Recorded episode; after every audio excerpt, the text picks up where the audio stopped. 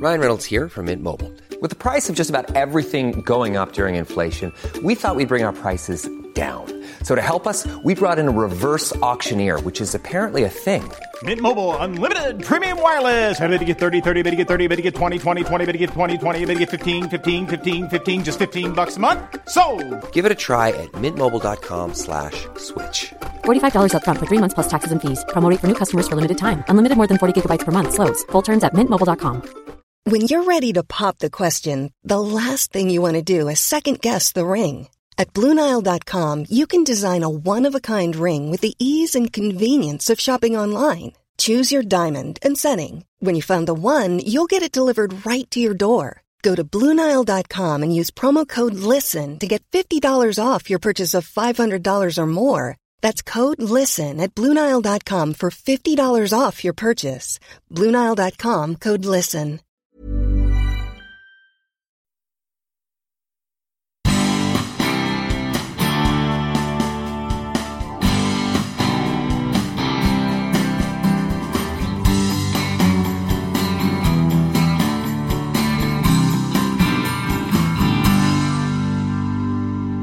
Ryssland är ju den, den enskilda aktör som försvarsberedningen till exempel eller eh, svenska forskare och politiker målar upp som det största enskilda hotet emot eh, svensk säkerhet. Om jag tänker att om jag vill skapa eh, dålig stämning i Sverige, ja, men då ska jag försöka infiltrera ett sånt här uppror som drivmedelsupproret tror jag det heter nu. Ta mig in där med så många konton som möjligt och sen efterhand försöka knuffa opinionen i en viss riktning. Eller bara hitta eh, ämnen som berör och sen få de individerna att bli ännu mer känslosamma. Jag kan skicka tusen kommentarer till en myndighet. Myndighetens personal kan inte avgöra vad som är skrivet av en robot och vad som är skrivet av en människa. Det går inte att se skillnad på det. För ett tag sedan så publicerade jag ett inlägg på LinkedIn om ett gammalt avsnitt med Anton Liv. Jag kände att ämnet hybridhot och desinformation kändes väldigt aktuellt med tanke på den eskalerande konflikten i världen med Ryssland och Ukraina i centrum. Samma dag så möttes jag av rubriken Cyberattack mot Ukraina. Invånare uppmanas att förvänta sig det värsta. Då tog jag beslutet att kontakta Anton för att så snart som möjligt göra ett nytt avsnitt för att få veta mer om hur vi kan bli utsatta i Sverige och vad vi alla behöver fundera över. När jag gjorde research inför avsnittet så fick jag titta in i en värld som jag inte trodde fanns och som du och jag helst vill slippa. Men samtidigt, det är viktigt att förstå vad som händer och vi behöver hantera dagens situation. Och framförallt hur vi alla kan försvåra för både kriminella och främmande makt att utnyttja vårt öppna samhälle. Och du, en sak innan vi börjar. Gillar du det här avsnittet och podden? Känner du att den här typen av samtal är viktiga och intressanta? Då vore jag otroligt tacksam om du vill swisha en valfri summa till 123 611 4680. 123 611 4680. Och jag lovar, alla pengar kommer att investeras i ännu fler spännande avsnitt. Långt intro, men nu kör vi!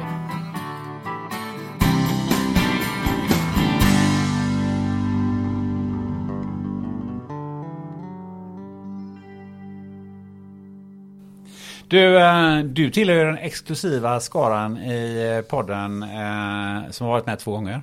Eller kommer vara med två gånger. Ja, ja men vilket förtroende. Ja. Tusen tack.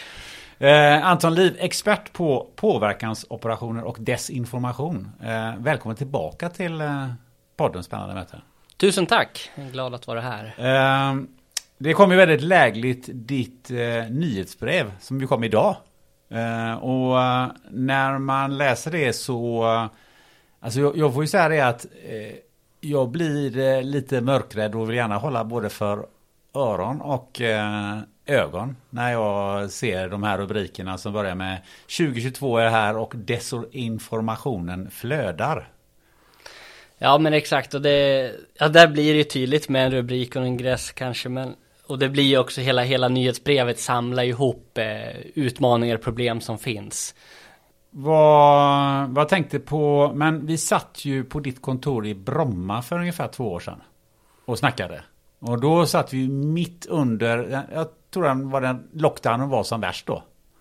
Ja men exakt, det var ju våren då eh, pandemin verkligen hade fått fart i Sverige. Eh, vad är dina reflektioner från den tidpunkten till nu? Gällande det vi har varit med om. Ja, det har, hänt, det har ju hänt väldigt mycket samtidigt som det händer väldigt lite. Mitt, mitt eget liv har ju lätt för att tänka så här, men jag har inte påverkat så mycket. Jag delvis föräldraledig, delvis eh, har jag intressen som gör att jag har inte upplevt mig så inskränkt utav nedstängningar och restriktioner. Eh, för att jag har småbarn till exempel och lämnar på förskolan och är inte ute på restauranger var och varannan dag. Samtidigt så har det ju hänt otroligt mycket med hela pandemin och den informationsepidemi eller infodemi som jag fokuserar på. Och omvärldsutvecklingen med hur olika ja, stormakter agerar men också hur mindre aktörer eh, beter sig liksom. Så att det händer väldigt mycket. Vad, vad, är det viktigaste eh, utifrån din synpunkt och ditt, eh, ditt kunskapsområde som, som har hänt de senaste två åren? Jag tänker att eh, cyber generellt, IT-säkerhet, eh, olika typer av säkerhetsutmaningar, säkerhetsproblem, säkerhetshot, liksom desinformation som är mitt expertområde. Det har blivit mer mainstream. Det är inte lika mycket enskilda individer eller aktörer som, som pratar om de här utmaningarna utan det har blivit mer mainstream.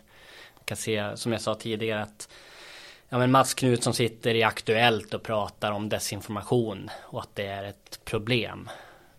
Och det är, eh, det är både en utmaning att det har blivit så mycket problem. Samtidigt så är det ju fantastiskt bra för medvetandet att den typen av aktörer pratar om det på, på bästa sändningstid. Hur har det påverkat dig? Har, har man eh, efterfrågat eh, dina, dina tjänster, din kunskap mer idag än vad man gjorde då? Ja men både och. Jag har nog fått lite bredare uppdragsgivare. Samtidigt är jag glad själv. Jag har gått ifrån att ha ganska mycket inspirationsföreläsningar och, och kortare grejer till att jobba mer långsiktigt för olika aktörer. Att men, jobba i ett år eller flera år med de här frågorna. Och det är då det, är då det får effekt. Liksom. Ja, inspirationsföreläsningar är jättebra för medvetenheten, nyfikenheten där och då. Men ska man få till förändringar för ett företag eller en myndighet så behöver man jobba över tid liksom. Vi ska titta lite på vad, vad vi tänker, eller vad du tänker kring Sveriges krisledning och hur det har fungerat under, de här, under den här eh, pandemin. Och hur man har, har eh, kommunicerat. Eh, vad, vad, vad, har du att säga i största allmänhet? Vad är ditt intryck?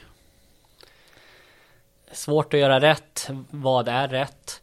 Eh, jag har full tillit till att de individer som sitter på regeringskansliet eller på olika myndigheter, men de gör ju sitt yttersta så bra de kan.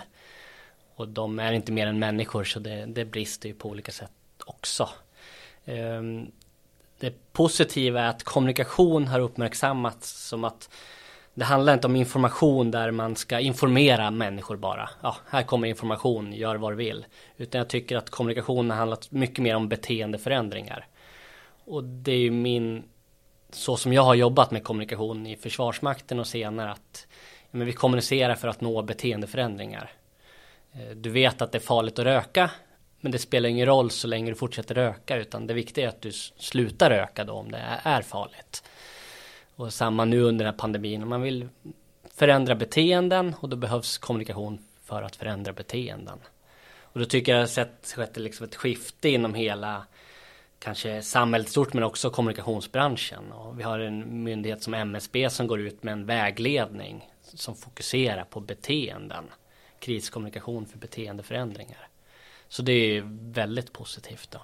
Men har ehm, eh, har det varit eh, mycket typer av vägledning och, eh, eh och ganska få bestämmelser och eh, direkta förbud?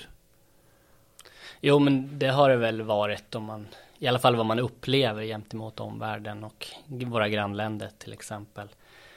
Ehm, jag tror att det är en bra väg i ganska stor utsträckning att få till förändringar som är frivilliga eller upplevs som frivilliga.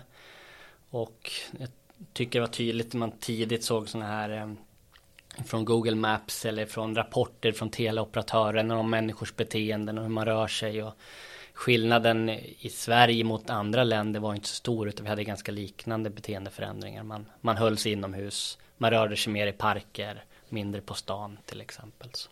Så man uppnådde egentligen samma effekt som man gjorde i många andra länder ja, där man gick eh, behård, tydligt hårdare fram? Det är min uppfattning i alla fall att det var ganska snarlika beteendeförändringar i eh, befolkningen i Sverige som det var i länder som hade betydligt hårdare eh, restriktioner eller regler och till och med.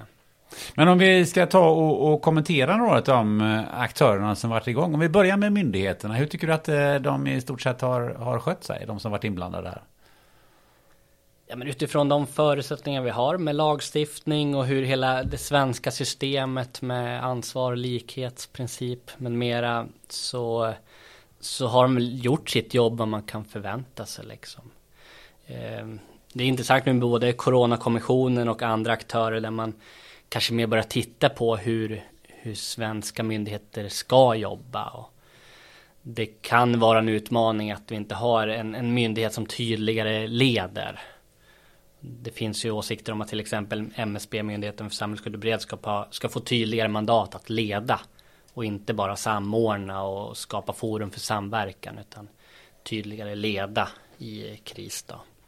Men eh, om vi tittar på, på forskare och ex experter, det är rätt många som har yttrat sig under den här eh, perioden och media har varit duktiga på att plocka fram eh, många sådana. Hur, hur, hur ser du på deras eh, allmänna hållning?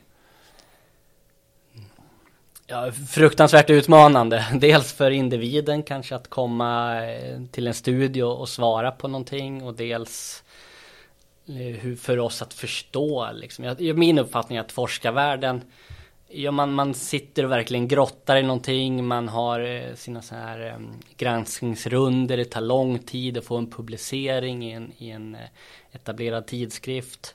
Och sen helt plötsligt går man till att bli eh, publik och stå i Aktuellt eller en morgonsoffa och uttala sig. Och det ska bli snabba rubriker. Så jag hade väl själv, själv tyckt det var problematiskt att liksom väldigt många pratade väldigt mycket om smittskydd. Och sen tänker man att shit, det här är en enorm vetskap och de här har ägnat sitt liv åt det här. Jag eh, kan inte ta, jag kan inte ha en åsikt i frågan. Jag vet för lite liksom. Men det man kan fundera på eh, är ju Um, hur man kan komma till så många olika eh, slutledningar och, och, och rekommendationer. Uh, de har ju verkligen, tycker jag, varit ganska, det är ganska väldigt bred palett. Uh, hur, hur, ser du på det? Ja men verkligen, och det, då kan jag tänka, men jag tycker att det var några forskare som var så tydliga med att det kanske är så det ser ut inom forskningsvärlden, liksom inom andra, andra eh, expertisområden då. Att det är en ganska stor oenighet, det är ganska spretigt, det tar lång tid att komma fram till just nu rådande evidens liksom. Och nu, blir, nu händer inte det längre i skymundan utan nu hamnar det mitt i det publika. Och det var en, en ny kris, det var ett nytt virus. Eh, man visste inte. Men du som kommunikationsexpert, eh, kan man, finns det något problematiserande kring eh, att man har en, en, en, som forskare som ju på något sätt ska vara i många ögon i alla fall tror jag ska ju vara lite, lite facit på hur det, hur det faktiskt förhåller sig som, som har som diametralt ibland olika åsikter. Ja, och där om man kanske var kritisk till de individerna eller till forskningen eller ett annat fackområde att kanske behöver bli bättre på att förklara sitt jobb och vilka metoder man har och hur, hur, hur funkar det egentligen? Hur kommer man fram till, eh, till saker? Men om, om, vi tittar på eh, något som är snarlikt då, eller som ligger nära till hands, det vill säga medierna, som ju lyft fram forskarna. Hur, hur tycker du medierna agerat under den här perioden? Jag själv har varit både positiv och kritisk mot olika aktörer. Eh, när jag läser rapporter som ja, andra forskare har gjort och vid universitet har gjort studier på uppdrag av MSB till exempel. Då, då får ju medierna ett ganska bra betyg, eller i alla fall ganska neutralt betyg. Man har, man har lyft fram både positiva och negativa saker och en ganska jämn balansering. Ehm, samtidigt så ser jag väl att man kan prata om sånt där negativt bias, att det blir lätt de, de mörka rubrikerna som får genomslag. Och att det alla gånger kanske inte var så himla dåligt eller den här rubriken är lite väl tillspetsad. Hur bra har man varit på att förklara saker och ting? Både bra och dålig. Jag själv konsumerar mycket. Det är liksom Sveriges Television, Sveriges Radio, det är de stora dagstidningarna. Um, tror att de kan bli bättre. Absolut, om man ser så här generellt, om man kopplar till min, mina områden med säkerhet, det är väldigt få journalister som är ordentligt fördjupade i, i säkerhetsfrågor eller i säkerhetspolitik. Från att kanske ha varit ganska många för 10-20 år sedan är man ganska få nu. Så jag tror att det, det, är ett problem generellt inom journalistkåren att, väldigt, att för få får verkligen eh, eh bli experter på enskilda frågor och bli vetenskapsjournalist och bli det med kanske en specifik inriktning. Vårt lands eh, styrning då, politikerna. Eh, vad, hur har de agerat tycker du? Utifrån förutsättningar, liksom, jag vet inte vad man kan förvänta sig. Jag tror inte vi hade haft ett, en annan, jag tror inte det spelar någon roll vilket parti som hade haft makten faktiskt. Utan jag tror det hade varit ganska snarlikt utifrån hur, hur Sverige är uppbyggt med svenska lagar och förordningar och med svenska myndigheter och, och dess roll.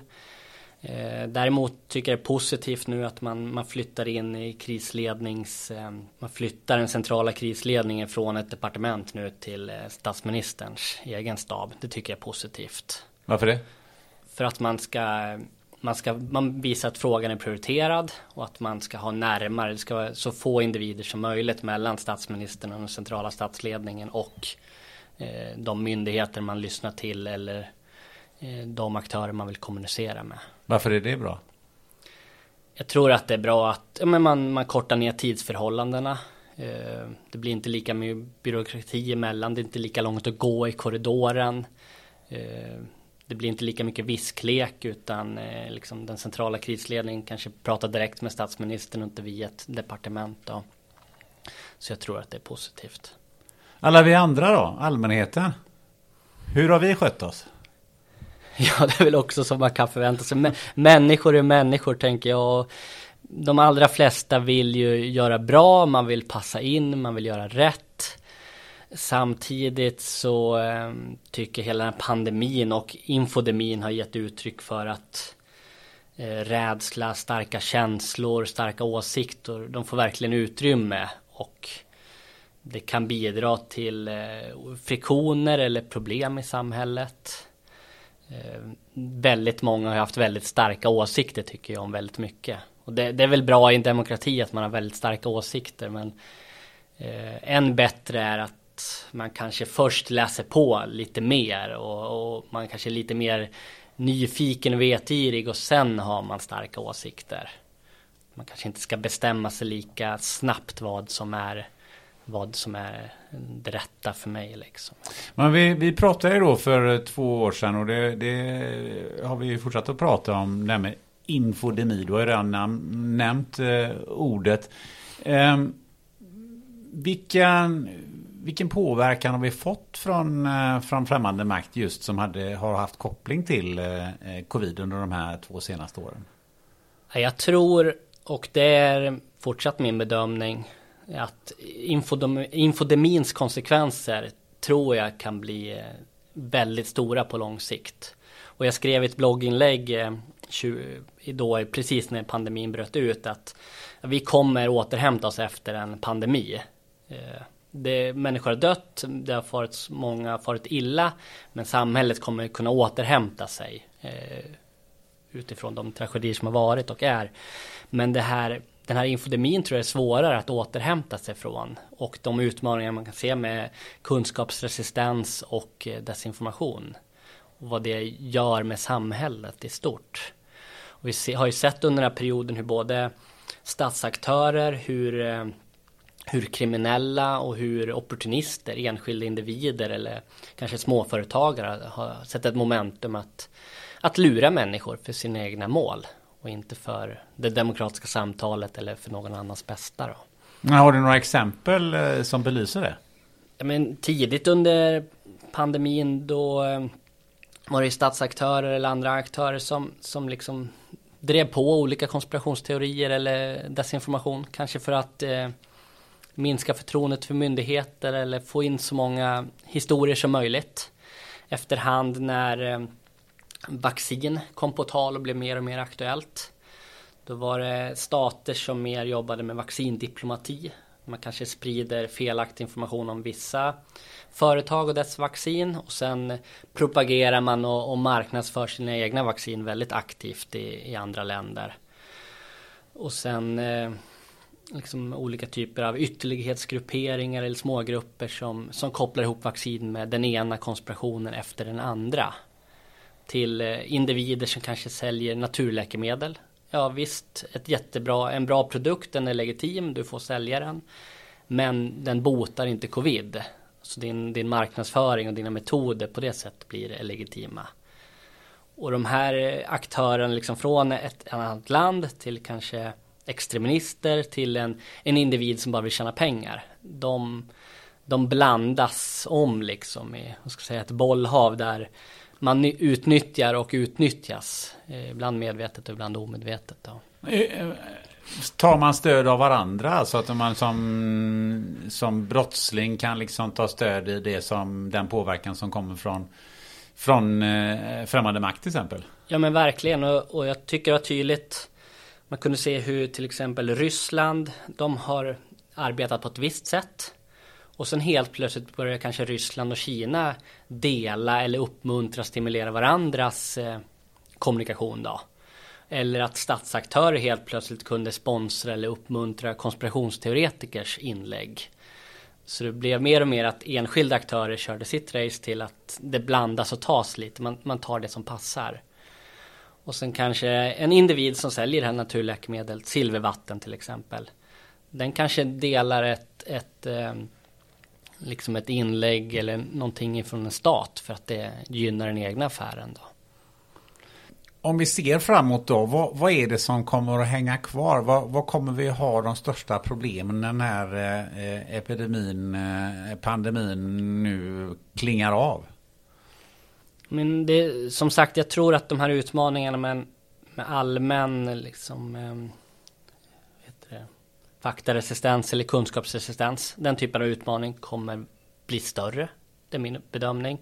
Och också eh, hur vilseledande information påverkar samhället tror jag också kommer vara en utmaning.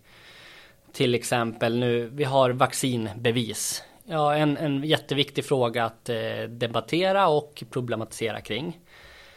Men det är bra om den debatten kan föras liksom framåt hela tiden och man kan se den andras åsikter och man kan ta sig framåt. Jag tror att vi, och jag, jag upplever själv att man ser att det blir allt mer extremer åt de olika hållen. Och de extremerna, de möts inte utan det blir eh, det blir bara dåligheter istället.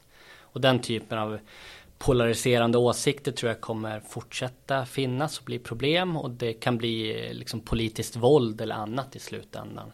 Men va varför tror du att det kommer hänga kvar? För uh, säg nu att det här klingar av, vi behöver inga vaccinbevis längre, folk kanske kan vaccinera sig om de känner sig lite lite rädda framöver och sådär. Var, varför hänger den här polariseringen kvar?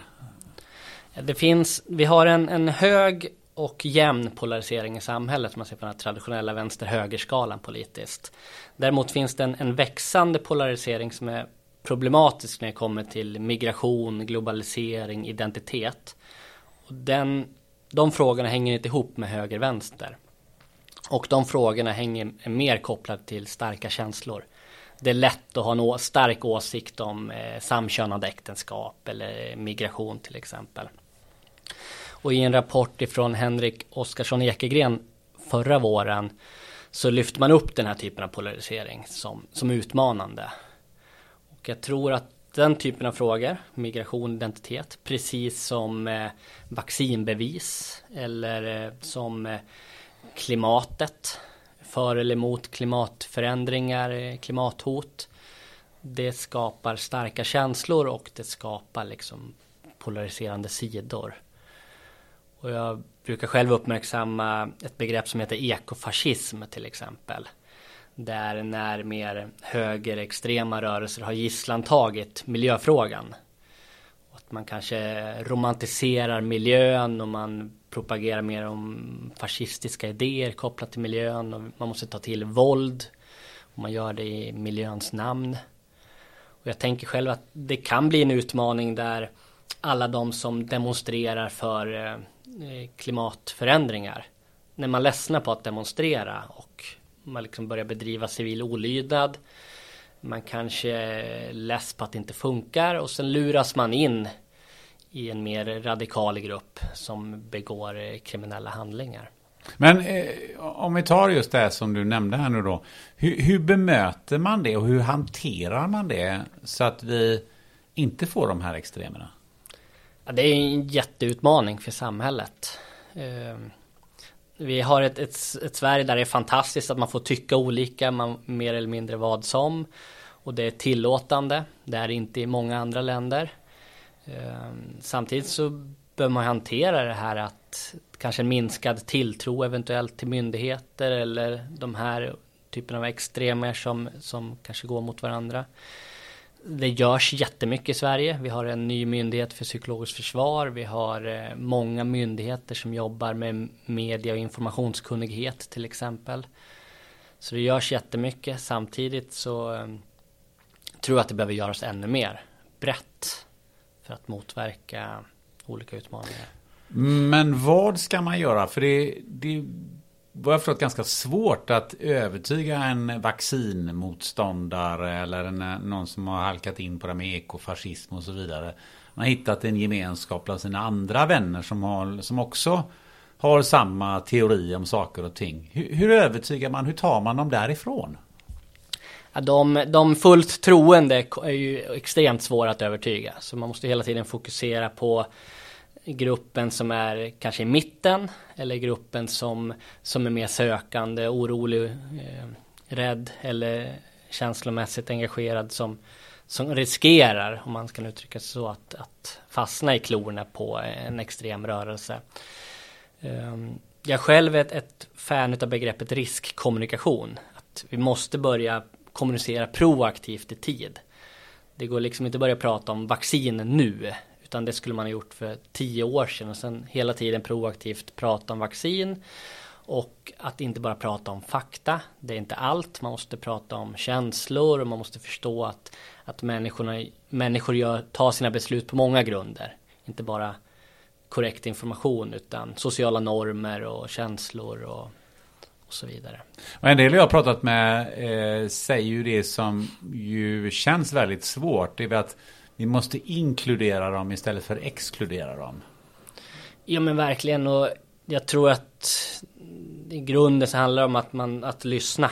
Precis som att du är duktig på i det här samtalet att, att lyssna eh, och förstå varför människor eh, tar de beslut de gör, varför de tror på det de gör och får vi lite mer förståelse i varför många tror på en, en specifik konspirationsteori då, då kanske vi inte kan så att säga rädda dem men vi kan kanske rädda andra från att fastna i klorna på dem då i alla fall erbjuda konkurrerande eh, fakta liksom som man kan lyssna till. För det jag funderar på är det, var ska den här kommunikationen och lyssnandet komma ifrån? För att om det kommer från myndigheter och politiker så måste det vara extremt svårt eftersom det är just dem som de misstror som mest. Hur, hur, ska, hur ska man fixa den där, eh, det där problemet?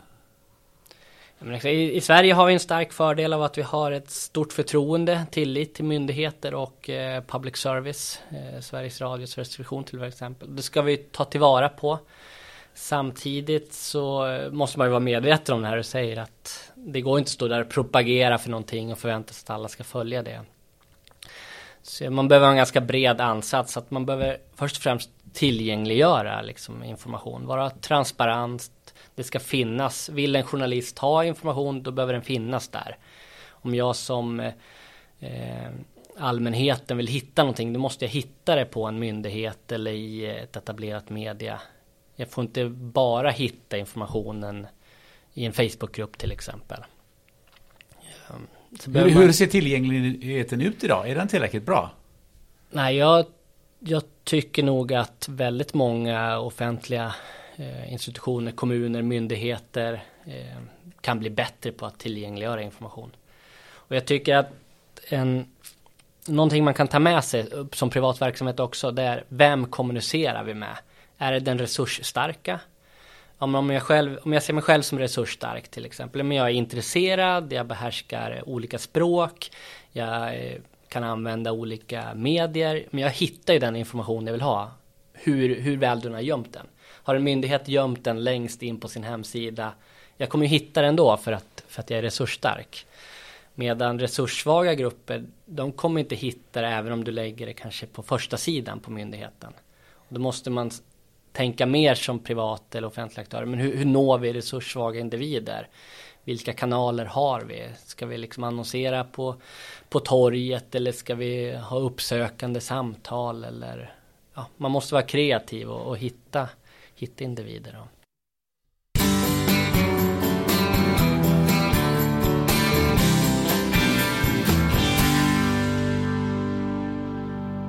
Den här podden den sponsras av Life Genomics, ett kliniskt laboratorium i Göteborg som bland annat erbjuder covid-tester. Har du precis bokat en resa på kort varsel och behöver PCR eller antigentest för covid-19? Ja, då kan du gå in på coronapassport.se för att hitta en vårdgivare i din närhet och boka en tid för test och friskhetsintyg.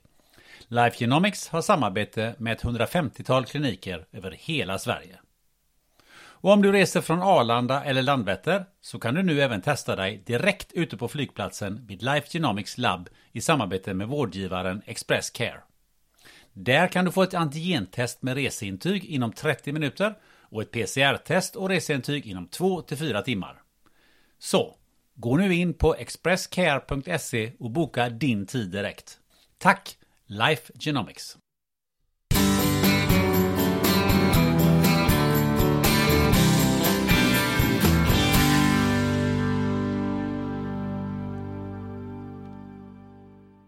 Men någonting som vi också sett är ju att eh, sociala medier, eh, aktörer som Facebook, Twitter och så vidare går in och, och, och plockar bort kommentarer och åsikter och, och, så vidare. Det vill säga att egentligen bedriver någon sorts censur i det här. Eh, hur skulle du se på, stärker det de här grupperna eller försvagar det de här grupperna? Det kan nog vara både och. Dels kan det nog vara individer som inte får se se det. Så då, det kan ju vara positivt på det sättet. Samtidigt om man sätter en etikett på någonting eller det framkommer att eh, ett socialt media tagit bort information då, då stärker det väl bara ens egen övertygelse om att det är någon konspiration eller att vad det nu må vara. Jag tycker att det, det är ett problem att de stora techbolagen Facebook, Google med flera att de, att de får, har fått diktera mycket av deras egna villkor. Och jag är positiv till nu att politiken på något sätt har vaknat upp och börjat förstå att ja, men det är ju det är vi i allmänheten som ska rösta om vad vi tycker är rätt och att politiken ska införa eventuella eh, lagar och regleringar.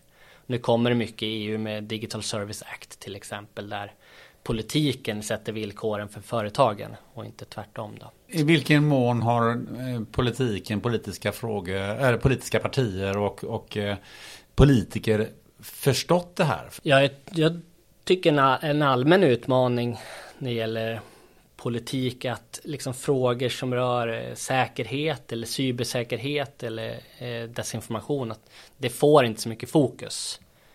Inte i Sverige och inte i många andra länder heller.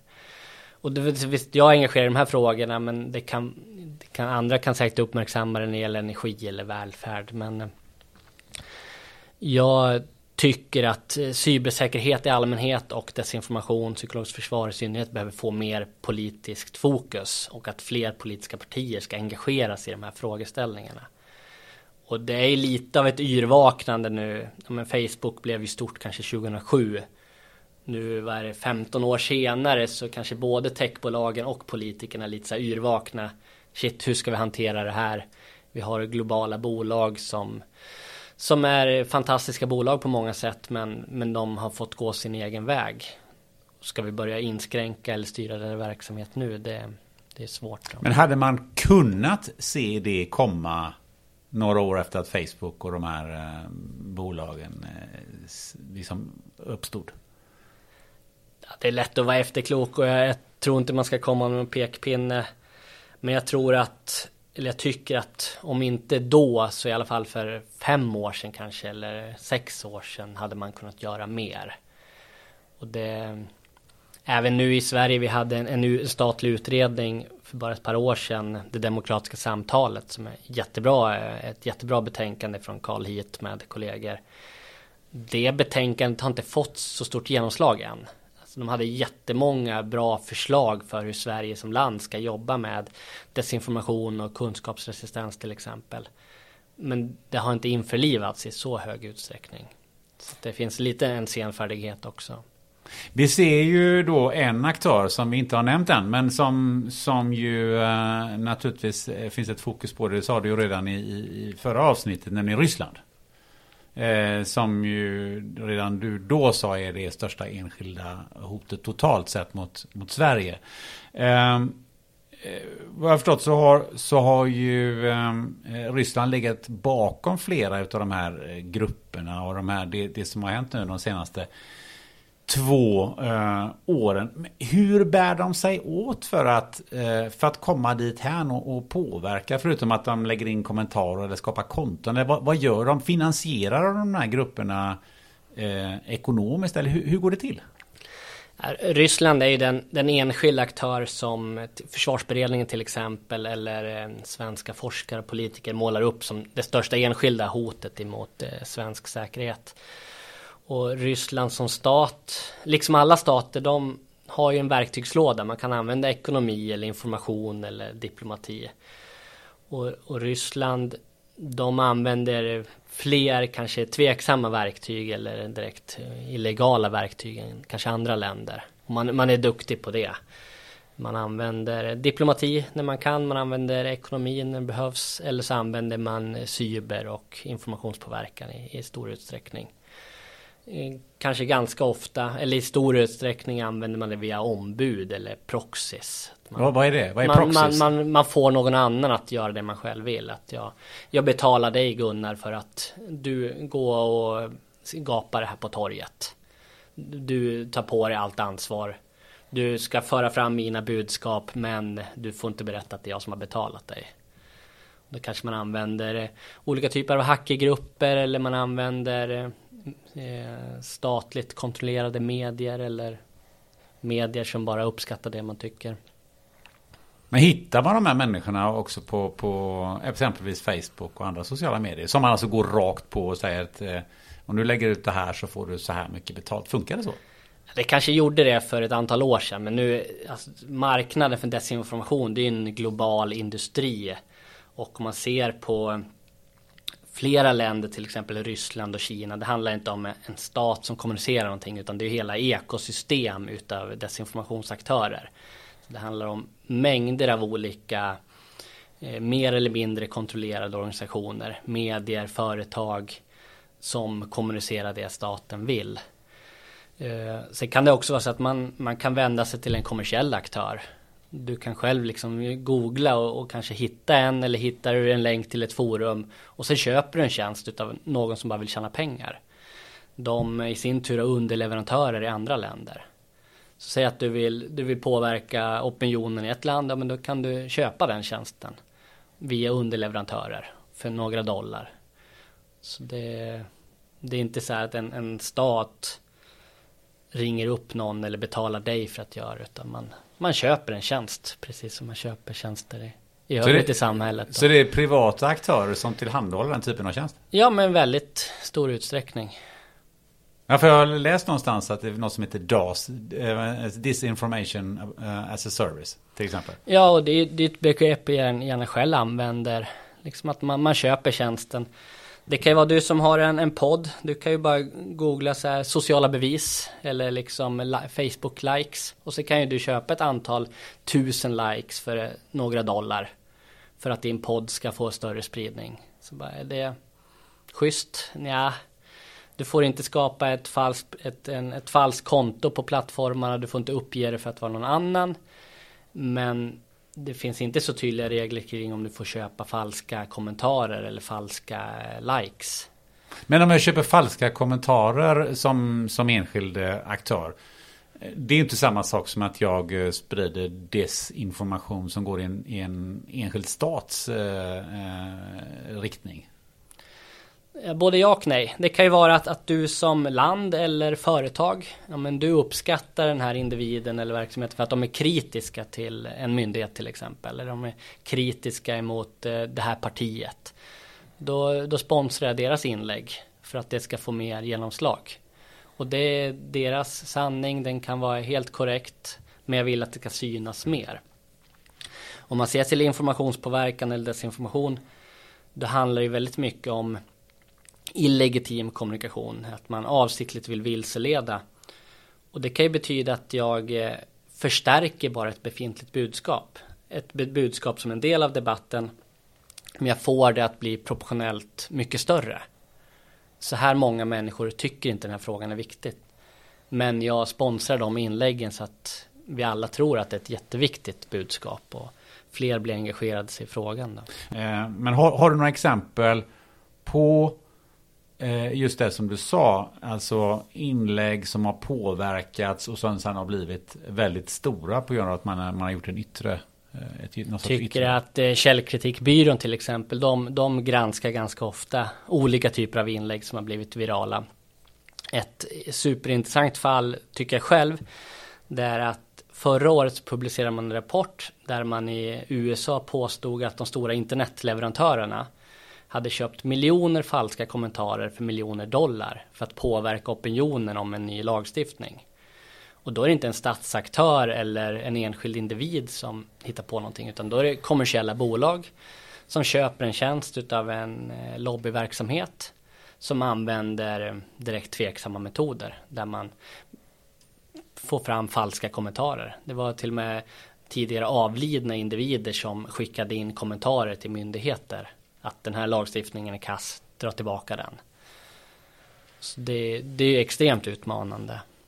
Någonting som fick mig att reagera för ett tag sedan. Eh, det var när det var en snöstorm i, i Skåne. Och eh, nyhet som kablades ut var att det var en väldig massa elbilar som stod stilla i, i kylan.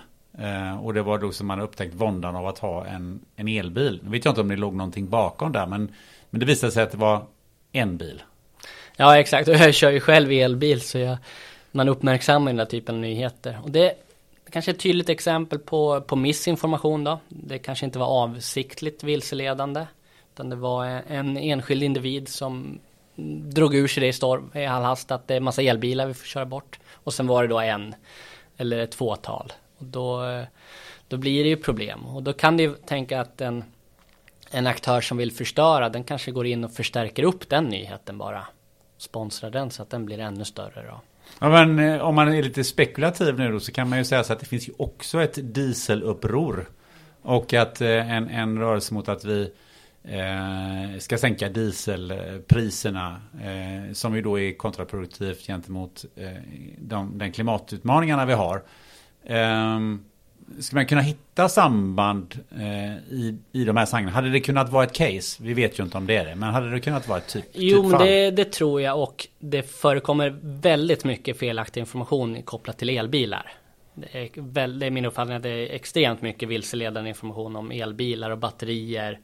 Både för att folk tror saker om man delat det felaktigt. Men också för att enskilda aktörer vill driva opinioner åt olika håll. Och jag tänker själv om jag, vilket jag tycker de flesta ska göra, det är att spela djävulen oftare. Om jag tänker att om jag vill skapa eh, dålig stämning i Sverige, ja men då ska jag försöka infiltrera ett sånt här uppror som eh, drivmedelsupproret tror jag det heter nu. Ta mig in där med så många konton som möjligt och sen efterhand försöka knuffa opinionen i en viss riktning. Eller bara hitta eh, ämnen som berör och sen få de individerna att bli ännu mer känslosamma. Eh, jag läste någonstans just det här, eh, jag tänkte på enskilda aktörer eh, FOI, de beskriver ett fiktivt scenario om ett, om ett hybridangrepp. Där man bland annat skrev det att lokala aktörer har tagit emot ersättning från främmande makt för att påverka opinionen i, Sverige. Och då är jag tillbaka till den här frågan. Finns det sådana eller skulle det finnas den typen av lokala aktörer som direkt tar eh, någon sorts ersättning för att, för att, för att påskynda och skapa den här typen av, eh, av hybridsituation? Eh, det kan ju absolut vara en möjlighet tror jag. Och det är ju om man ser till att det centrala i allt som, som jag själv också, det är transparens. Jo, men Anton Liv heter jag, jobbar för Combitech, ett kommersiellt företag. Att hela tiden vara tydlig med vem man är och vem man gör saker för. Och kopplat till det så det är, inte, det är inte så lätt alltid att veta vem som har betalat en, en verksamhet i Sverige. Och man måste ju ha en, en grundinställning till att det, det är schysst om man följer lagar och regler. Men det går ju att nästla sig in liksom på olika sätt. Legitimt eller illegitimt. Och det, jag tror mycket på det här med utmaningen att man manipulerar eh, individer eller grupper utan att de vet om det. Men du driver liksom en politisk fråga som är jätteviktig för dig. Men den gynnar också vårt lands eh, syn på frågan. Så då sponsrar vi eh, ditt engagemang på olika sätt utan att du vet om det. Vi kanske betalar människor för att gå på din demonstration eller vi betalar ditt inlägg att det flyger lite bättre. Och du bara shit det här blev svinbra det här inlägget. Jag skriver så igen. Och sen liksom manipulerar vi dig utan att du vet om det. det Alltså man vet inte var pengarna kommer ifrån alltid. Nej exakt och du kanske inte själv förstår varför dina inlägg blev virala. Men det kan vara någon som har, har bidragit till det. Eh, vi har varit inne på, på Ryssland. Eh, och eh, eh, jag skulle vilja fråga dig om en kommentar som du eh, gav i ett eh, inlägg som jag gjorde om, om gjorde på LinkedIn om dagens säkerhetspolitiska läge och, och vi, där jag lyfte eh, vårt förra avsnitt lite grann. Ja. Eh, och då säger du så här, eh, tills vidare säger jag så här, tillvaron är som hämtad ur ett övningsscenario, exempelvis FOI, Totalförsvarets forskningsinstitut eller en mix av typfall 1 till 5 och så vidare. Eh, ögonen på Ukraina och Östersjön med mera. Viktigt, men tappa inte blicken helt på Arktis, Taiwan, Nordafrika och så vidare. Helt plötsligt klipps alla djuphavskablar till Svalbard för gott. Eller så tar Wagner makten i Timbuktu. Eller så går Proud Boys till attack mot Kapitolium. Uh, den, den kommentaren innehöll väldigt mycket. Ja, ja, ja exakt. kan, du, kan du ge, ge oss en bild på vad du, vad du tänkte där?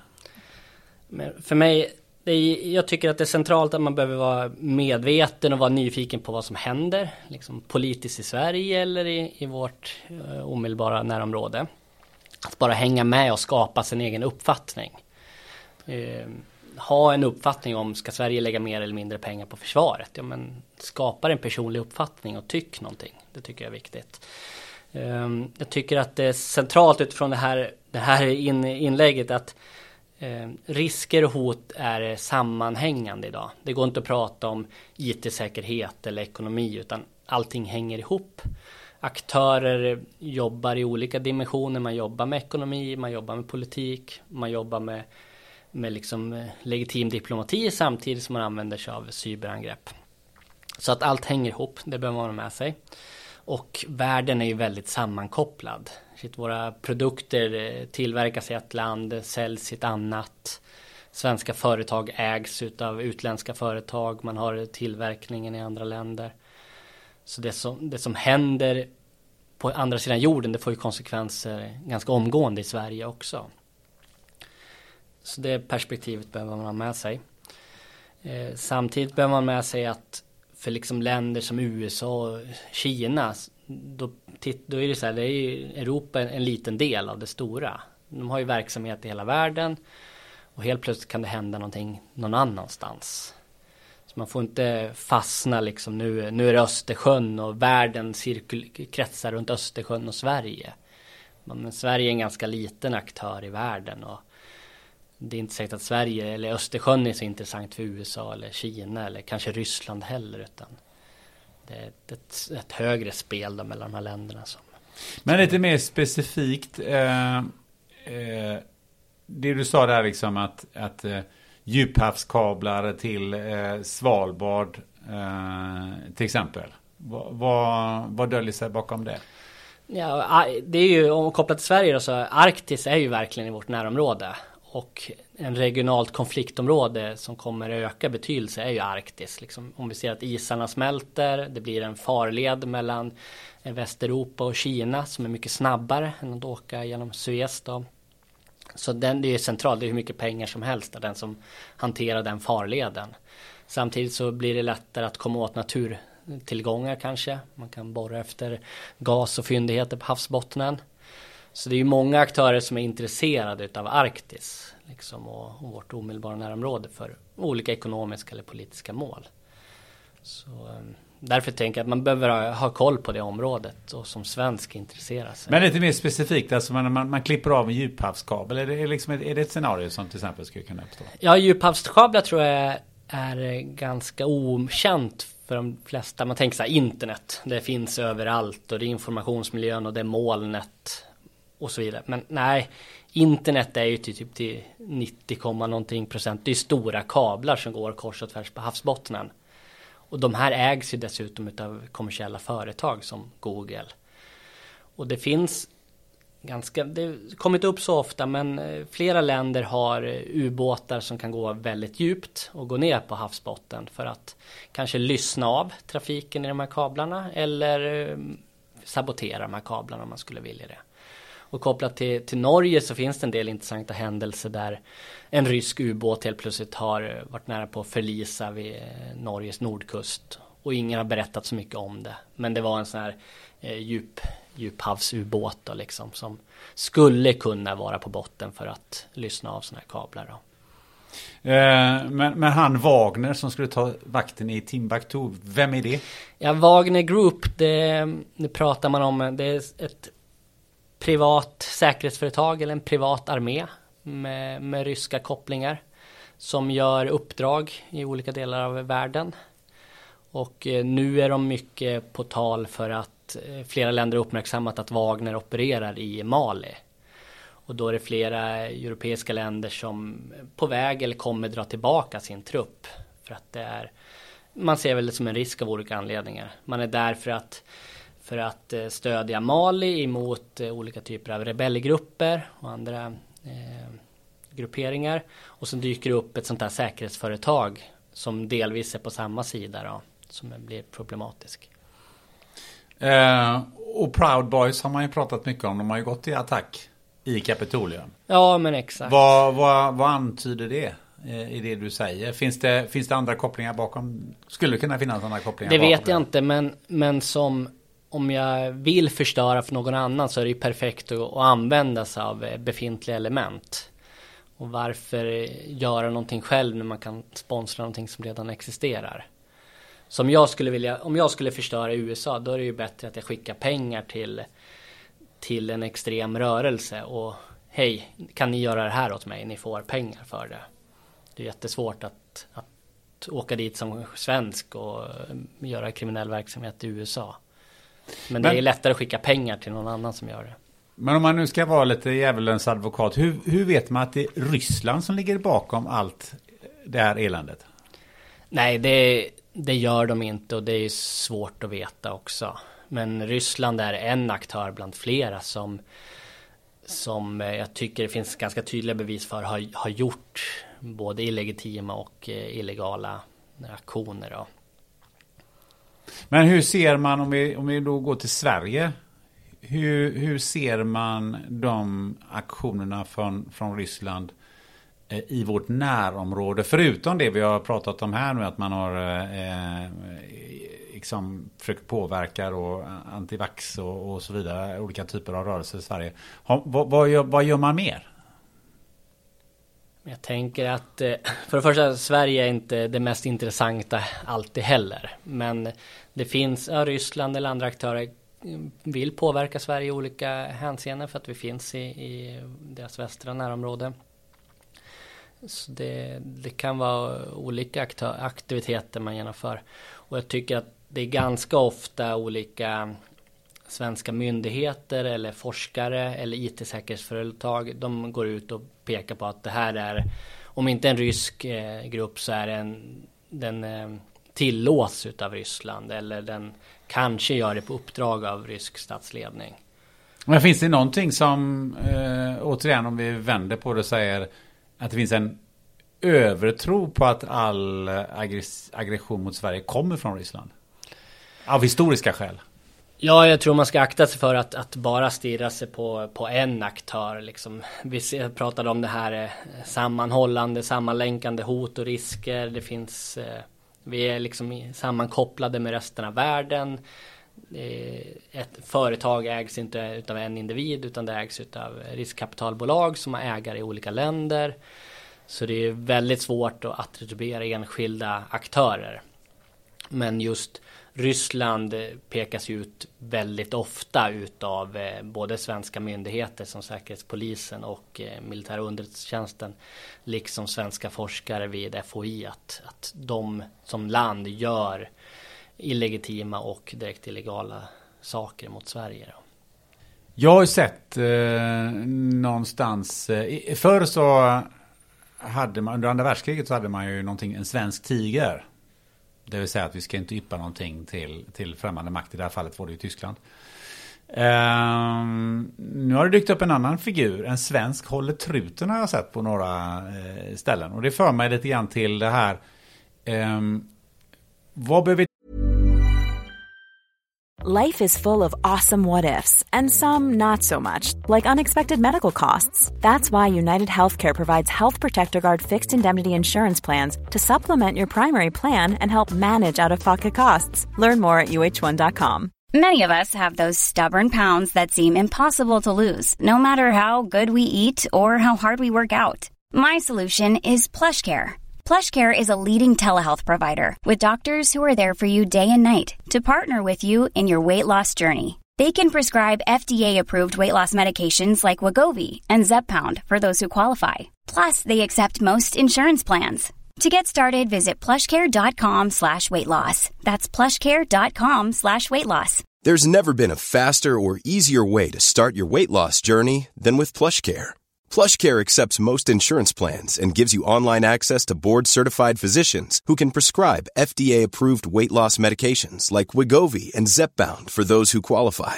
Take charge of your health and speak with a board-certified physician about a weight loss plan that's right for you. Get started today at plushcare.com slash weight loss. That's plushcare.com slash weight loss. plushcare.com slash weight loss.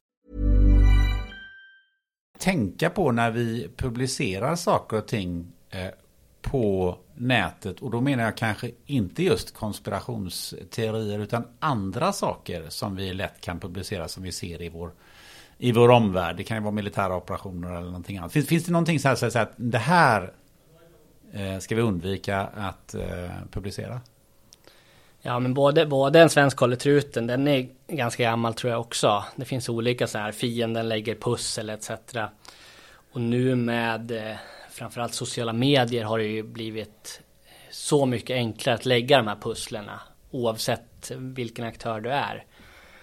Um, generellt så ska man så tycker jag att man um, ska inte vara så naiv utan man ska och inte tro att men jag är ointressant. Varför skulle någon vilja ha min information? Det, det största hotet mot den enskilda aktören det är ju kriminella som vill eh, skamma dig på pengar. Så när du slarvar med lösenorden, när du delar saker på sociala medier, hej jag köpte en ny tv eller jag är bortrest på semester. Då, då är det ju kriminella som är problemet. Sen finns det statsaktörer som också letar efter information som de vill komma åt på olika sätt. Ehm, och det, det enskilda inlägget du gör i sociala medier eller din enskilda positionsdata när du kör bil och, och delar din GPS-position hela tiden. Kanske man inte kan göra så mycket av. Men att lägga det här pusslet utav alla anställdas positionsdata eller delningar då kan man hitta saker. Då kan man hitta sårbarheter på ett företag eller man kanske kan hitta en individ som är som är spelberoende eller, eh, eller alkoholist och så kan man utnyttja den individen på längre sikt. Men det för över sig till, till tanken är vad skulle du säga, vad är det vi i så fall ska stänga ner? Vad är det, vad är det vi inte ska hålla på med? Alltså ska vi stänga ner positioneringen och, och massa sådana här grejer? Eller var någonstans ska, vad tycker du vi ska dra, dra gränsen Eh, själva någonstans? Vi ska vara vetgiriga och sen ska vi värdera våran eh, digitala identitet högre. Tycker jag. Det är så här, jag, om jag tappar bort min plånbok och mitt körkort, då polisanmäler jag det direkt och sen ringer jag och spärrar alla korten. Men om jag tappar mitt lösenord eller mitt eh, konto blir kapat i sociala medier, då kanske många inte ens bryr sig. Ehm, en del saker tidigare, vissa saker kanske är känsliga, det skulle jag aldrig pratat med någon om. Nu eh, lägger vi upp en bild på Instagram så fort någonting har hänt. Så det tycker jag i alla fall man ska fundera över hur man delar saker på vilket sätt.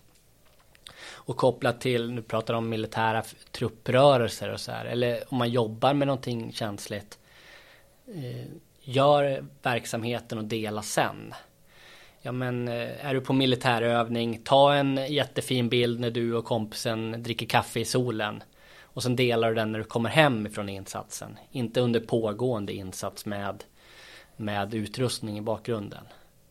Så kan man tänka lite som privatperson också att ta en bild på jobbet. Ja, men fundera till på vad som syns på dataskärmen eller vad som syns i bakgrunden med larm eller vad det nu må vara. Välj, var mer noggrann i hur du, vad du delar och när. Har du sett några sådana exempel där du tycker så att, ja, men, hur tänkte de nu? Ja, hela tiden. Jätteofta. Och jag gör säkert själv eh, eh, den typen av misstag också. Men det finns ju mycket så här. Vill man förkovra sig så Bellingcat, en eh, brittisk typ crowdsourcing aktör Som bara genom öppna källor samlar information och löser löser ehm, tar fram svar på frågor som kanske säkerhetstjänster eller polisen jobbar med under lång tid och inte kan lösa. Det finns det så här Russian selfie soldiers till exempel. Då, man, då Ryssland säger nej vi var inte i Ukraina 2014. Så bara nej det var ni visst. Bellingcat har hittat ryska soldater som har geotaggat sig själva inne på ryskt eller ukrainskt territorium och delat i sociala medier. Så att det går ju att lägga det här pusslet och bevisa väldigt mycket. Men om du skulle ge tips, vilka, vilka grejer hade du sagt så här, det här tycker jag du nog bör fundera över i din mobiltelefon som om du måste ha? Det, det klassiska så här med tvåvägsautentifiering. Att du ska du logga in på mailen ska du godkänna det på telefonen också. Eh, sätt ett långt lösenord, krångligt. Många tecken och behåll det för typ alltid. Eh, sätt i alla fall ett jättelångt lösenord på typ mailen om den är viktigast. Och sen kan du ha dina slasklösenord på saker som du inte kommer åt. Eller som inte är lika viktiga. Men mailen är oftast det viktigaste. Eh, vidare i alla fall fundera på så här med smarta positioner, positionsdata. Måste jag dela det hela tiden? Hur kan det användas? Och så kanske ännu mer eh, vad man tillåter tredjepartsappar.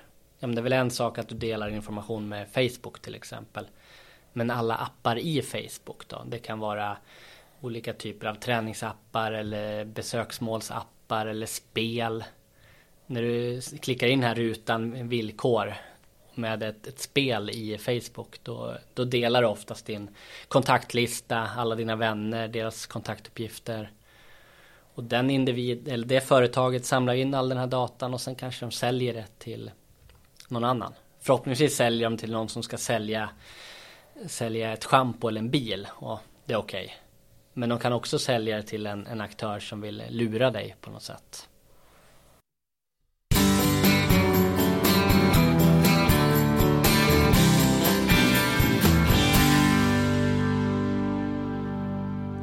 Väntar du eller någon i din närhet barn?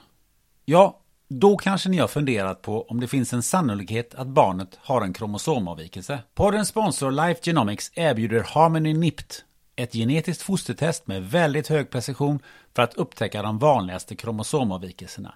NIPT görs på ett enkelt blodprov från mamman som utförs på labbet i Göteborg. Gå in på hemsidan fostertest.se och läs mer. På fostertest.se hittar du också din närmaste vårdgivare som erbjuder NIPT-test. Life Genomics erbjuder även andra tester som covid-19 PCR inför exempelvis din resa eller andra möten. Dessutom erbjuder Life Genomics ett kvantitativt antikroppstest för covid-19 som påvisar aktuell immunstatus. Mer information hittar du på lifegenomics.se. Tack Life Genomics!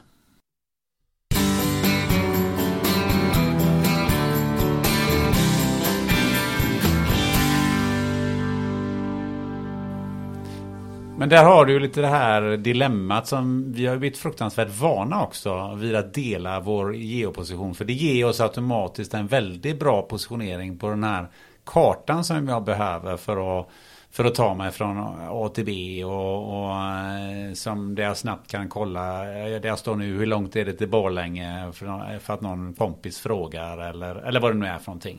Ja men verkligen, man behöver ha någon nykter balans i det där ja, det kanske inte spelar så stor roll, men, men eh, min pappa eller min kollega kanske jobbar med någonting känsligt.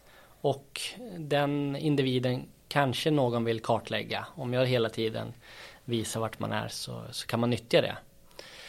Och det har ju varit mycket i svensk media nu uppmärksammade så spionfall, individer som har eh, häktats och dömts för olika typer av eh, eh spionåtal. Och det är inte någonting som skedde då under kalla kriget eller innan dess utan det är, det är länder och kanske företag som jobbar aktivt med spioneri om man säger så. Och det är liksom ingen slump att den här killen eller tjejen var så himla trevlig i den där baren den gången eller att den också, att du träffar någon på gymmet. Utan de här klassiska metoderna används ju. Hur stor roll spelar våra, alla våra elektroniska uppkopplade prylar i det här sammanhanget? Typ eh, allt från eh, eh säga, dammsugarrobotar till eh, gräs, gräsklipparrobotar till you name it. Ja, men jag, jag, min uppfattning är att det kan spela väldigt stor roll. Och jag själv har till exempel två nätverk hemma. Ett nätverk för typ datorn och telefonen. Och sen har jag ett annat nätverk för eh, smarta högtalare eller vad det må vara. För att ofta har kanske kylskåpet, dammsugaren, högtalare, de har inte samma eh, säkerhet som min jobbdator som uppdateras hela tiden. Och då vill jag inte ha dem på samma nätverk för att en aktör som vill lura mig eller komma åt min information eh, kan ju gå via den här dammsugaren då. Det är jätteenkelt, det kan man ju googla eller söka på Youtube liksom hur man typ hackar en dammsugare. Så finns det säkert jätte eh, roliga videos då. Samtidigt så kan ju alla de här uppkopplade grejerna kan ju användas i överbelastningsattacker. Man liksom manipulerar alla de här prylarna till att eh, skicka signaler i en viss riktning och kanske överbelasta en myndighets hemsida till exempel. Ja, för det var någon eh, eh kompis som har som är, som är utvecklare som eh, berättade för mig att han hade köpt en robotdammsugare. Och han sa liksom att ja, men den här är ju uppkopplad till en aktör, eh, till, till en kinesisk aktör. Som ju, och, och, som kan då kolla men exakt var går den här robot, eh, eh robotdammsugaren i mitt hus. Så får jag en, en, en skiss på hur hela huset ser ut. Eh, alla rummen eh, och sådär. Och, och det är ju ingenting som som är uppkopplat lokalt utan det är ju leverantörens, det, det, finns i dammsugaren och det är uppkopplat då så det är kinesisk leverantör. Så, så han liksom påvisade för mig för den här liksom, här, här har du en problematik. Jag vet inte hur du ser på det för det måste finnas ett många prylar Jo, jo men verkligen. Jag tycker att till exempel SVTs serie Hackade, det var väl väldigt så eh, lätt att ta till sig och lätt att se utmaningarna. Och jag tycker att, ja, vi använder smarta prylar, det är fantastiskt. Men jag tycker att man ska tänka till innan. Ja, men vad är det här för pryl? Vad ger jag för tillåtelse när jag kopplar upp den? Vilka risker kan det medföra? Behöver, jag ha, behöver allting vara uppkopplat hemma eller inte liksom? För om du är inne på det här med, med hackad så jag har ju sett några avsnitt där. Rekommenderas ja. verkligen. En bra serie. Det känns som i alla de grejerna man gjorde där, det vill säga att man tog sig in i olika eh, lokala eh, nät och wifi och, och, så vidare. Det känns som att skalskyddet betyder en ganska stor roll. Alltså det fysiska skalskyddet, för man tog sig faktiskt in i en byggnad och, eh, och hackade eller kopplade upp, gjorde grunden där och sen så gjorde man det, så att säga, det externa jobbet. Är det så det går till? Jag kan inte svara fullt ut, det kan säkert gå till på många sätt. Men överlag så är det väldigt mycket social manipulation fortsatt. Eh, ingången när det gäller IT-bedrägerier i stort är ju ofta det här mejlet eller den här länken där smset någon klickar på. För att det är mycket snabbare. Det är det snabbaste och det enklaste sättet att, att ta sig in. Och människor är ju lata. Liksom varför sitta och försöka ta sig förbi en brandvägg om det räcker med att skicka en länk. Och någon klickar på den. Så social manipulation det, det växer och det handlar inte ofta, som oftast om att det är eh, så uppenbart ett mail med en länk som man borde fatta. Utan teknikerna går ju verkligen framåt. Och man, man skapar konton på en plattform. Man eh, skapar en adress som ser ut precis som den eh, kundgrupp jag är med i. Det ser ut som att det är en annons ifrån ett företag jag gillar i sociala medier och jag går in på den annonsen. Och det utvecklas verkligen hela tiden. Men varför är det så himla svårt att skydda sig mot sånt här rent tekniskt? Ja, människan är, det är lätt att gå och lura människan ofta liksom. Och internet är ju inte byggt för att vara säkert ifrån början. Liksom är, jag kan ju tycka att det är korkat att ha lösenord på allt. Och vem kan ha 20 lösenord som är 20 tecken långa och byta dem varje månad? Det, så funkar ju inte människan liksom. Så det hade behövt en helt annan design ifrån, ifrån början. Ja, men jag tänker på att om du, om du klickar på, på länkar i ett, i ett mail. Nu eh, kanske jag fantiserar, men det borde inte finnas en programvara som på något sätt säger Vänta, hallå, här är någon som klickar på ett Du klickar på det här, är du säker på att det här är är safe. Alltså att det finns en sån mellanstation mellan det. Utan jo, men och det, det, gör det. Det allra mesta plockas bort i min uppfattning. Det går inte igenom. Men nu kan det väl vara att man, man ändrar någonting i koden eller man ändrar någonting i adressen så att den slinker igenom ändå. Eh, väldigt ofta. Tittar man mer på, på deepfakes som intresserar mig, alltså manipulerad bild eller film. Det ser ut som att Barack Obama säger någonting men det är inte han. Nu, man, nu har man kanske kommit till att 65% av allting kan man eh, detektera som, som deepfakes. Då fortsatt 35% man inte klarar av. Och sen visar studier också att bara genom att lyfta ut ljudspåret, stoppa in i ett annat program och kanske klistra tillbaka det, så kan du inte detektera det längre med din teknik. Så att den som vill förstöra, den kan hela tiden vara på förkant. Eh, vill du dopa dig så när det kommer nya dopingregler, om du kanske ändrar en ingrediens så är det helt plötsligt inte dopingklassat längre. Så är det ju med kommunikation eller mejlen också. Att... Men du säger deepfakes. Vad, hur går det där till? Det tycker jag, det får ju mer och mer uppmärksamhet för att det behöver det och för att det är fascinerande. Det handlar ju om eh, manipulerad bild, ljud eller text. Där man använder smarta algoritmer för att med hjälp av kanske fyra bilder på dig Gunnar så så kan jag få det att se ut som att du pratar när jag pratar i själva verket. Det finns ju många eh, superfestliga och utmanande exempel liksom från presidenter till kändisar eh, när det gäller rörlig bild. Då. Ett, ett växande område som kommer bli mer utmanande är röst. När det blir tillräckligt effektivt och billigt att trycka på en knapp och sen blir tusen människor uppringda utav sin sambo som behöver ha 100 kronor swishade. Och sen gör de det då. Man kan liksom snabba, ja, verkligen skamma människor med röst på det sättet. Eller text. Man tittar på smarta algoritmer. Och forskningen också ligger ofta långt fram på att problematisera vad man kan göra. Finns det algoritmer nu där jag kan skicka tusen kommentarer till en myndighet. Myndighetens personal kan inte avgöra vad som är skrivet av en robot och vad som är skrivet av en människa. Det går inte att se skillnad på det.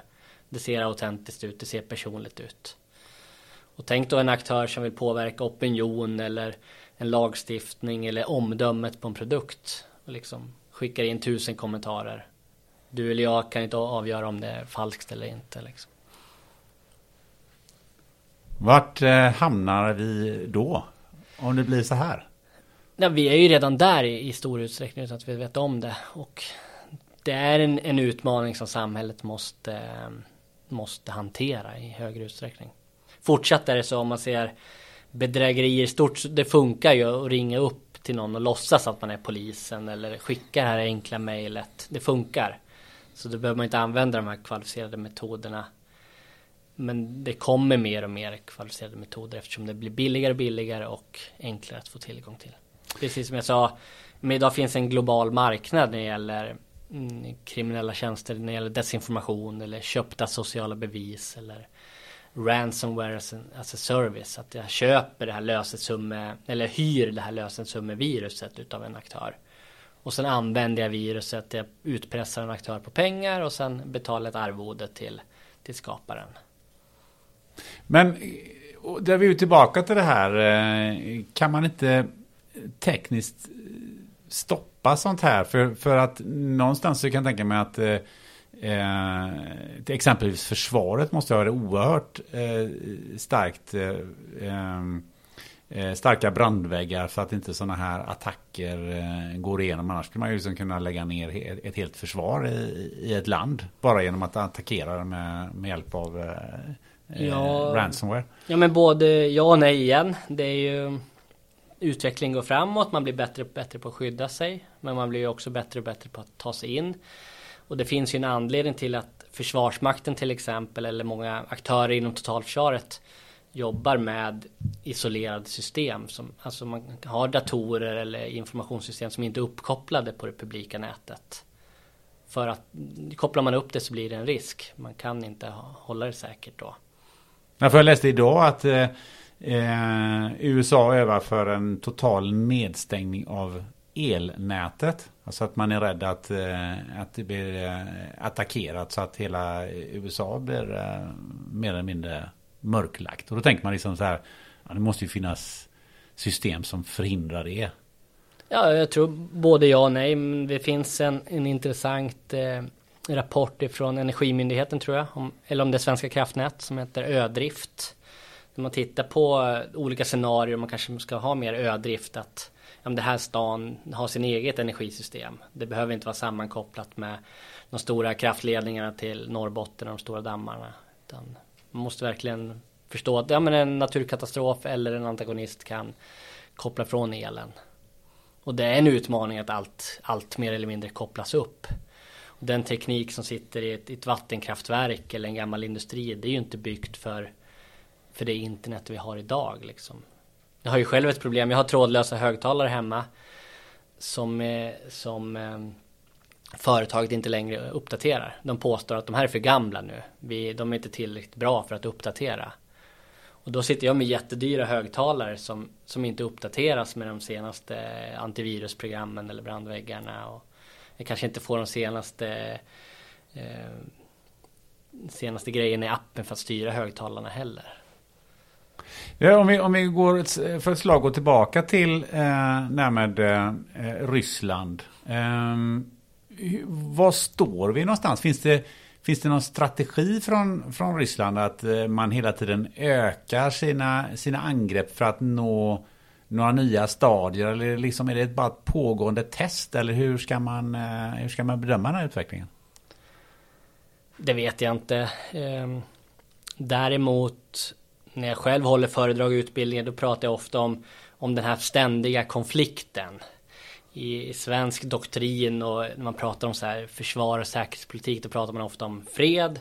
Sen är det ett kort skymningsläge och sen blir det krig då. Med skärpt eller högsta beredskap. Men jag mer ser väl den här, den här ständiga konflikten. Den är, finns mellan regeringen och oppositionen, den finns mellan företag, den finns mellan länder. Och en del länder som Ryssland till exempel är ju mer och mer på den illegitima eller illegala eh, spel eller planhalvan då, att man använder oschyssta metoder. Jag tror att den här, den konflikt, det är en konflikt som pågår över tid och kommer pågå liksom mellan kanske Ryssland och Europa eller Ryssland och USA eller USA och Kina. Man, man vill ha fördelar när det gäller ekonomi eller politik eller inflytande. Fördelar eller politik? Eh, vi har ett val i september i år. Eh, hur, um, hur ser du på det och extern eh, påverkan? Ehm, valet är intressant och jag jobbar, har jobbat en del med, med valpåverkan i närtid. Jag eh, brukar säga att det finns utmaningar för valet. Jag brukar prata om någon sån stopp Stop the Steal light. Vi såg i valen 2018 att det blev mer anmälningar om valfusk eller röstsedlar som försvann eller trakasserier emot personal vid vallokalen. Jag tror att den typen av eh, problem kommer bli större det här valet. Ehm, jag tror att den här eh, polariseringen kring eh, kulturella faktorer som identitet och migration, det kommer få mer påverkan på valet. Kanske att det blir mer polariserat i vissa frågor. Samtidigt om en extern aktör vill påverka de svenska valen så gör man det inte där och då. Vi har ett extremt eh, robust valsystem. Eh, decentraliserat, analogt. Jättesvårt att påverka valresultatet. Däremot kan man tänka sig att man vill påverka förtroendet för det svenska valsystemet. Vi såg valen 2018 hur Valmyndighetens hemsida gick ner kort. Och efter det så blev det ganska mycket vilseledande information om att det partiernas eh, staplar förändrades och nu har någon manipulerat. Nej, systemet fungerade hela tiden men den externa webben låg ner en liten stund. SVT och andra aktörer hade korrekt data hela tiden. Samtidigt så, så är det en utmaning att till exempel den nya myndigheten för psykologiskt försvar. De ska titta på främmande makt. Alltså andra länder, aktörer i andra eh, ja, utomstående och deras eventuella påverkan på Sverige. De tittar ju inte nationellt på det sättet. Och ser man mot de svenska valen då kanske det största hotet är enskilda individer eller nationella grupperingar som vill förstöra. Stjäla röstsedlar eller sprida felaktig information eller eh, genomföra hat och hot emot politiker till exempel. Men tillbaka till oss själva då. Vad är det vi ska eh, se upp för den närmaste tiden framöver här fram till valet? Ja, vi ska se upp för att snabbt luras in i, i en debatt och gå på känslorna direkt. Man, jag tycker att man som individ ska engagera sig i politiken, man ska tycka, man ska rösta för det man verkligen tror på.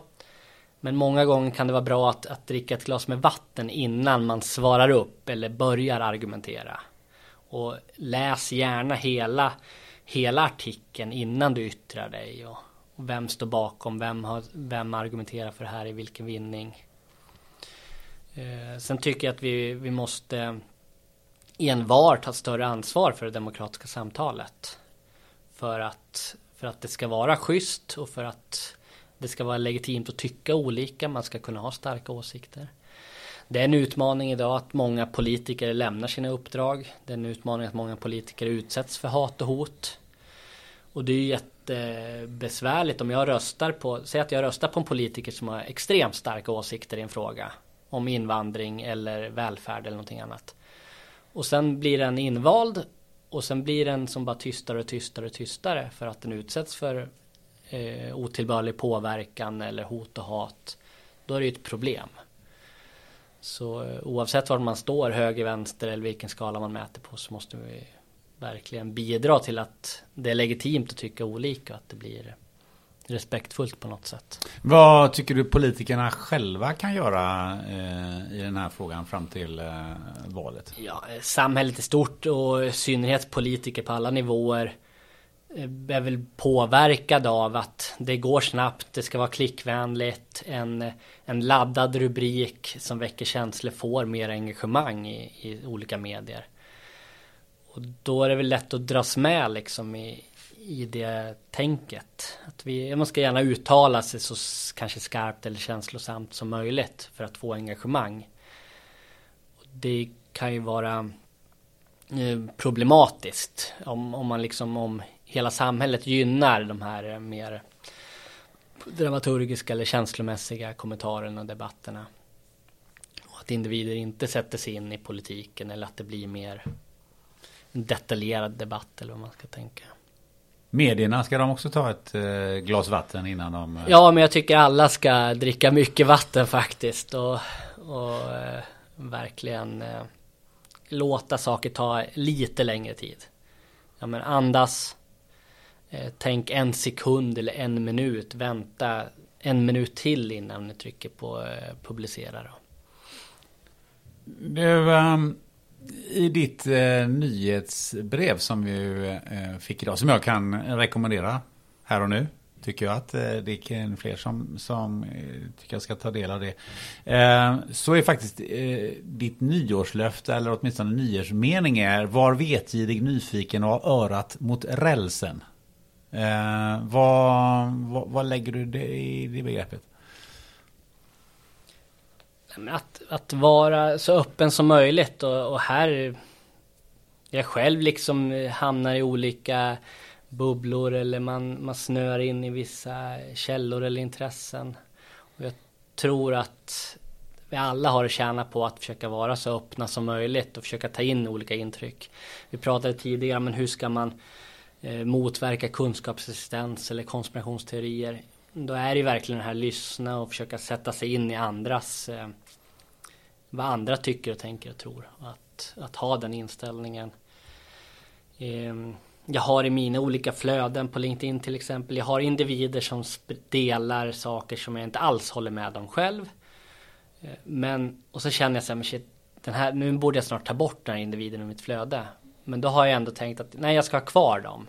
För att annars kommer jag inte se den här typen av kommentarer eller idéer eller eh, ståndpunkter.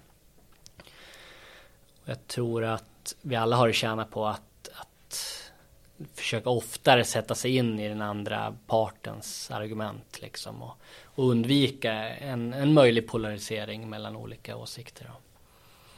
Eh, men om vi, eh, vi som hänger då på Facebook och, och Twitter eller var nu, var nu folk eh, hänger någonstans. Um, vi har varit inne på ett antal eh, uh, sådana här små, uh, små tips. Men om du skulle liksom sammanfatta det här. Uh, och säga, de, tänk på de här tre sakerna så är du hyfsat hemma. Mm. Ja, men över, överlag att, att dricka det här glaset med vattnet tycker jag är bra. Och att förstå att man själv jag som individ, jag är inte eh, odödlig liksom, utan jag påverkas av väldigt många faktorer i väldigt stor utsträckning. Eh, och fastnar i olika typer av tankefel utan att jag är med på det själv då. Och bara försöka ha den, den medvetenheten. Och sen nummer två att väldigt mycket, framförallt sociala medier, det styrs av eh, ekonomiska intressen att tjäna pengar på annonsintäkter, att på engagemang och negativt engagemang. Det behöver jag vara medveten om när jag, när jag, jag ska skriva min negativa kommentar om jag vill det. Men hela systemet kanske syftar till att, att få mig att skriva den här negativa kommentaren för att en individ ska bli mer viral eller annonsen ska flyga bättre och sådär. Ibland eh, kan det vara bra att inte ge sig in i vissa debatter heller. Eh, eh menar huvudbudskap brukar vara att bli en alv. Det finns ju de här trollen som eh, sprider dålig stämning eller hat och hot. Kanske på sociala medier eller på stan. Ja men bli då en alv. Man kan välja sin egen nivå. Antingen är man bara typ tyst och inte delar eh, dåliga saker själv. Eller engagerar sig negativt då. Eller så kanske man blir en, en liten alv som likar den här myndighetens eh, inlägg om jag tycker att det är bra. Eller så blir jag liksom en kanske fullfjädrad alv och själv ge ger mig in i debatter, nyfiken och öppenhjärtligt liksom. Så, men hur tänkte du nu? Var har du hittat det här? Har du mer information? För ska man bemöta eh, felaktig information eller konspirationsteorier så handlar det ofta om att gå på kanske attribuera metod och, och syfte bakom. Kanske inte möta argumentet, för det är jättesvårt. Utan försöka lägga fram, en, vad, vad driver den här individen? Jo men det, det är ett förakt emot staten eller det är ett förakt emot den här myndigheten eller ett miss, allmänt missnöje. Försöka exponera det istället för, för argument sig då. Bli en alv, det tycker jag var en bra avrundning på det här eh, samtalet eh, Anton. För det, det, det, var ett väldigt bra tips, att ha det som ett mindset. Ja, verkligen. Jag tänker själv, alla kan bidra och eh, de små, små sakerna vi gör har betydelse. Så istället för att snacka om polarisering eller eller tycka det eller det, men engagera dig lite grann och då kan man, då kan man bli en alv, både på gatan, eh, om man allmänt trevlig och schysst, eh, eller på nätet, att man, man engagerar sig i det demokratiska samtalet, men man själv är inte den som, som eh, eh, trakasserar eller hotar eller hatar, utan man försöker vara mer eh, schysst. Man får vara extremt kritisk om man vill det, självklart, men försök vara lite respektfull i din kritik i alla fall. Nu har vi suttit här och pratat om de här eh, viktiga frågorna. Eh, hur, hur kändes det att komma tillbaka till eh, podden? Ja men vilken, vilken ynnest och man blir som glad på det sättet. Det är kul att, att få möjligheten att komma tillbaka. Jag tänker, men jag drivs ju i mitt arbete och min fritid av att att försöka uppmärksamma vissa frågor och kanske försöka skapa lite intresse kopplat till psykologiskt försvar eller desinformation. Och min, min ambition är att du eh, som lyssnar på det här eller läser mitt nyhetsbrev är att du ska bli lite mer intresserad och själv eh, börja liksom söka mer information i ämnet då. Härligt. Um, har du eh, någon önskegäst eh, kanske inom det här området eller något annat område som du har funderat på som du tycker att jag borde eh, plocka in i podden? Ja men det har jag tänkt på och först så tänkte jag på en individ som var ganska lik mig själv och sen ändrade jag mig och sen tänker jag att du ska ta, få hit en individ som är duktig på det svenska energisystemet, kraftvärme och kunna liksom belysa men hur, hur funkar det egentligen och ta det bortom bu eller bä kärnkraft och liksom problematisera och förklara lite. Så då är ett par namn Per Everhill han jobbar på Tekniska verken i Linköping. Eller Niklas Sigholm som jobbar på företaget Sigholm och också har en podcast som dig idag, Energistrategipodden. Mm, spännande. Eh, du vet ju det att eh, ditt eh, tips och önskan sist, den har du fortfarande rekordet på hur snabbt det gick i uppfyllelse tror jag. För att det var ju Kristina Bengtsson då som är, är fokusexpert som jag tror intervjuade typ två, tre avsnitt senare. Eh, underbart. Eh, vi har nämnt ditt nyhetsbrev. Eh, hur får man fatt i det? Det går, att, det går att söka Anton Liv nyhetsbrev tror jag. Det ligger på en sån här eh, Revy Revenue nyhetsbrev, nyhetsbrevstjänst. Så söker man Anton Liv omvärldsbevakning eller nyhetsbrev så kommer det nog upp. Annars så kan man söka upp mig på LinkedIn framför allt och då delar jag det där också. Mm, bra, två eh, bra tips hur man eh, hittar dig och du som sagt var du kör ju även lite eh, föredrag och, och, och lite sådana grejer om man är intresserad av det och kanske eh, som företag borde det här vara en allt starkare eh, fråga att eh, prata om. Du jobbar ju både med utbildning och, eh, och eh, föredrag vad jag förstår. Ja men verkligen och, och generellt för nu, jag jobbar mest mycket med myndigheter, delvis med privata företag. Men okunskapen hos privata företag tror jag är relativt stor. Hur, hur ens varumärke eller personal eh, utsätts för desinformation och hur det skadar varumärket på olika sätt. Så, som företag så tycker jag man ska engagera sig mer i frågorna och vara nyfiken där. Anton ett stort tack att eh, du ville hänga med mig i den här podden igen. Ja, men tusen tack själv.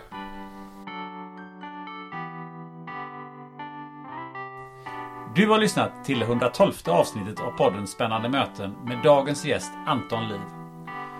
Och nu vill jag vara lite tjatig. Gillar du den här podden och då får du gärna swisha en peng till 123 611 4680. Alltså 123 611 4680. Okej, orkar du inte anteckna? Lugn. Numret finns på webbsidan spannandemotorn.se under fliken Sponsra podden. Nästa avsnitt, det blir något alldeles extra. Ursäkta ni alla fantastiska människor som jag fått prata med, men det här slår allt. Efter över två och en halv timme var jag totalt utpumpad och blown away. Tina och Tom Sjögren började med Mount Everest som en liten aptitretare. Tog sig över både Sydpolen och Nordpolen utan återhämtning och bygger nu en raketfabrik i Mojaveöknen i USA för att landa på Mars före 2030. Och du hörde rätt. Och jag lovar, det här, det här vill du bara inte missa. Till dess Så sätter du ner med en vän, stänger av wifi och absolut all elektronik. Och så tar något gött att dricka och bara myser.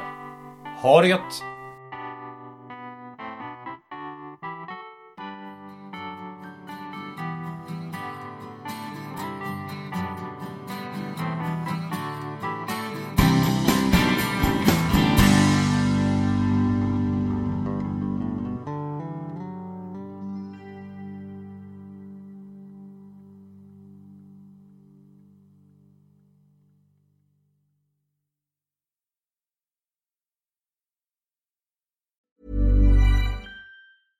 Ever catch yourself eating the same flavorless dinner three days in a row? Dreaming of something better? Well, HelloFresh is your guilt-free dream come true, baby. It's me, Kiki Palmer. Let's wake up those taste buds with hot, juicy pecan-crusted chicken or garlic butter shrimp scampi. Mm. Hello Fresh. Stop dreaming of all the delicious possibilities and dig in at HelloFresh.com. Let's get this dinner party started. Hello, this is Danny Pellegrino, host of the Everything Iconic podcast, and I'm here to tell you all about Splash Refresher because hydration is mandatory, but boring is not. Now, I love my water, but if I don't spice it up, I'm not going to finish what I took out of the fridge. That's why I love my Splash Refresher, which is flavorful, delicious, bright, hydrating, and zero calories. The wild berry flavor is my fave. No, wait, is the pineapple mango flavor my fave? You know what? All five craveable splash refresher flavors are my fave because they're so delicious. So get hydrated and enjoy it with Splash Refresher.